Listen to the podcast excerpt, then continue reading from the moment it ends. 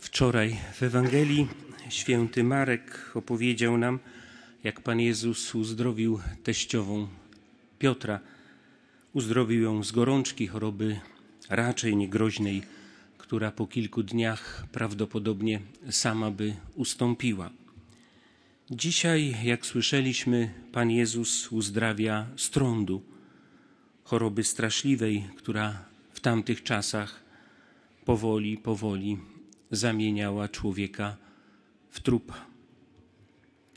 Na podstawie chociażby tych dwóch uzdrowień, tych dwóch cudów widzimy, że Pan Jezus nie analizuje naszych próśb, nie segreguje ich na ważne i błahe, na pilne i drugorzędne. Możemy przyjść do Niego z gorączką i możemy przyjść do Niego z trądem. Możemy prosić Go o zdanie egzaminu z matematyki i możemy prosić Go, ba, powinniśmy, o zdanie egzaminu z naszego życia. Nie wiemy, kim był trędowaty z dzisiejszej Ewangelii. Wiemy tylko, że zgodnie z przepisami Księgi Kapłańskiej musiał mieć rozerwane szaty, włosy w nieładzie, brodę zasłoniętą, musiał mieszkać na odosobnieniu, a spotykając człowieka musiał głośno wołać, wskazując na siebie nieczysty, nieczysty.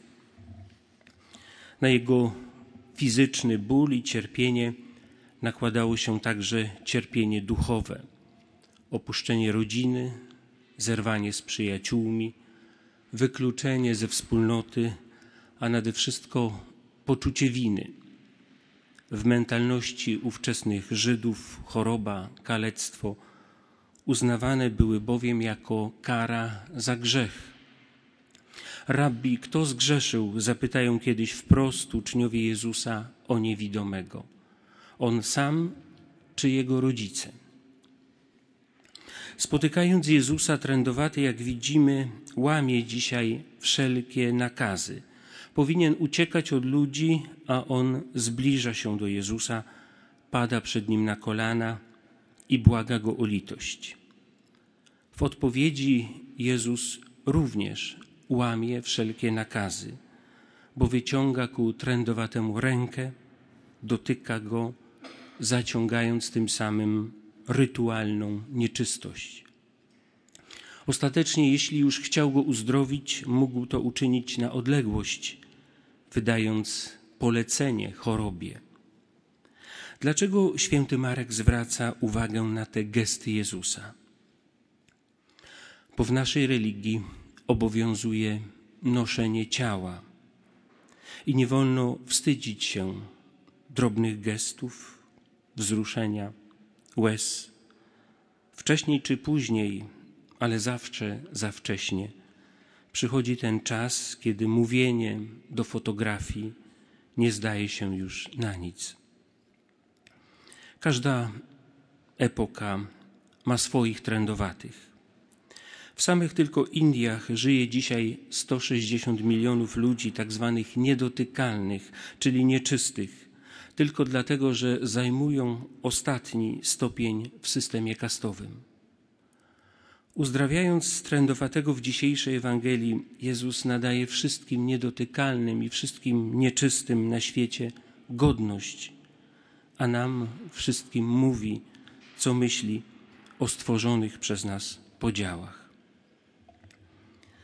Odprawiając trędowatego, Jezus rzekł do niego: Idź i pokaż się kapłanowi.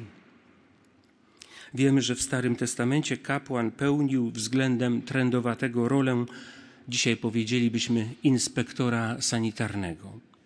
Przychodził do domu chorego, oglądał jego ciało, orzekał okres kwarantanny, a w przypadku stwierdzenia choroby nakazywał trędowatemu odosobnienie.